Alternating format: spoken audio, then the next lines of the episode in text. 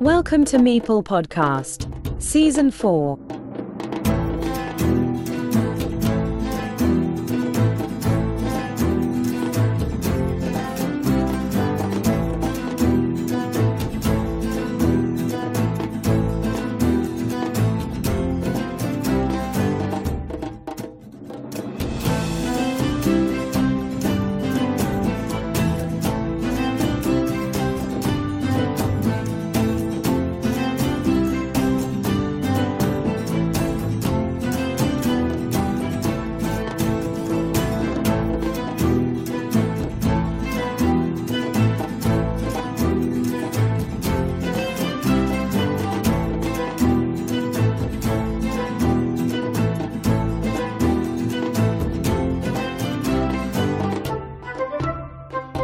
Hi everybody, with us on Meeple Podcast, someone you know if you often play Carcassonne on Board Game Arena.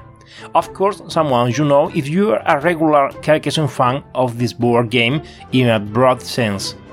Someone from Russia and world champion in 2016. Vladimir Kovalev, someone you know on BGA. Welcome to this sound channel.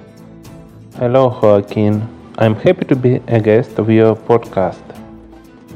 I don't know how to start this interview because there are many questions coming to my mind about you, but I suppose a master of Carcassonne should share with the audience something really valuable. Maybe how old are you? oh, it's a big secret, but I'll give you a hint. Multiply the number of straight roads in basic Carcassonne box by 4 and you will get the answer. Well, this was not a standard way to start the interview, but I had to break the ice. It's been seven years since you became world champion of Carcassonne. First of all, how long have you been playing this wonderful board game? I started to play Carcassonne in 2013, 10 years ago. My wife took me to the board games club where the guys studied and played Carcassonne before the regional stage of the national championship. Sometimes she still regrets dragging me there. What are the differences between the Kovalev of 2016 and the Kovalev of 2023? Alas, plus 15 20 kilograms of weight. Or is that not what we are talking about? Have you increased your level in the game, or maybe you have polished things that you have already mastered before? I think my best form was in 2016. I was preparing to play in the conditions of the championship, with a chess clock and a strong opponent. And I was as motivated and concentrated as possible. I think my skills have grown since then, but it's hard for me to get my lazy brain to work like before. A lot of people would like to know what the secret is to reaching your status. Could you explain something to help them understand the path you have taken to get here? I won the national championship at the third attempt.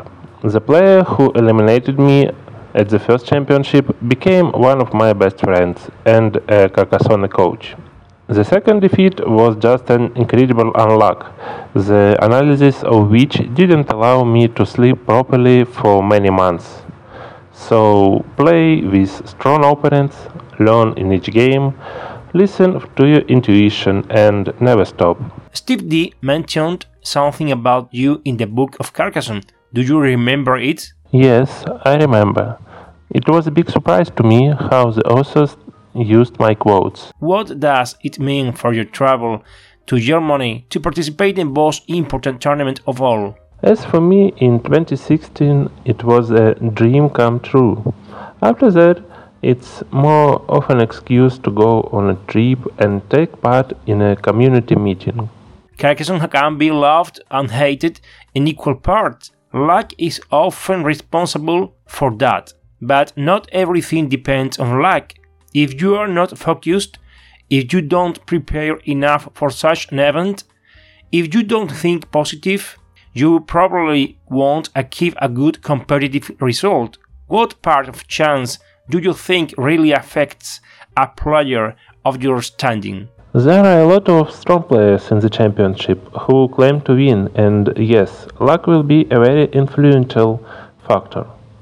Therefore, it's necessary that nothing interferes with your luck.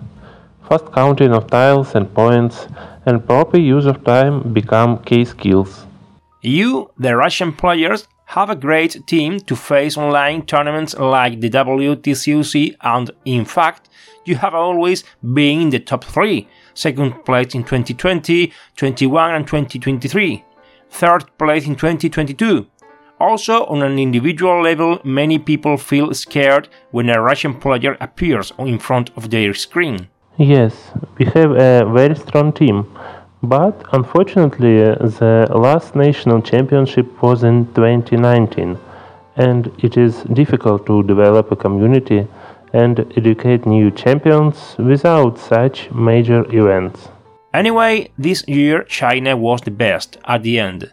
Yes, the Chinese team is very strong, but I hope that losing in the quarterfinals will motivate the best Japanese team to return to the next championship and we will see even more high level matches. In Arena Season 3 and 8 in BGA, you took first place.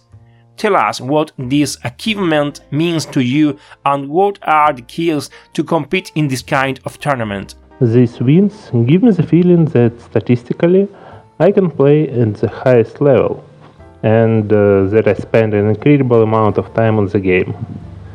However, win season 8 was on a very long win streak. I think I played no more than 60 games uh, for the whole season. What does BGA mean to you? BGA is a collection of board games that fits into a phone as well as a social network for playing these games and having fun. Do you like much more to play online or face to face? It is a completely different experience. Online is faster and more relaxed. Life uh, is more emotional and competitive. I prefer to play live, but alas, it turns out very rarely. Tell us about the road to victory in the Russian Championship. As I said before, the last national championship we had was in 2019. But Spielencentrum kindly provides an opportunity for a player with a Russian passport to prove himself at the tournament under a neutral flag.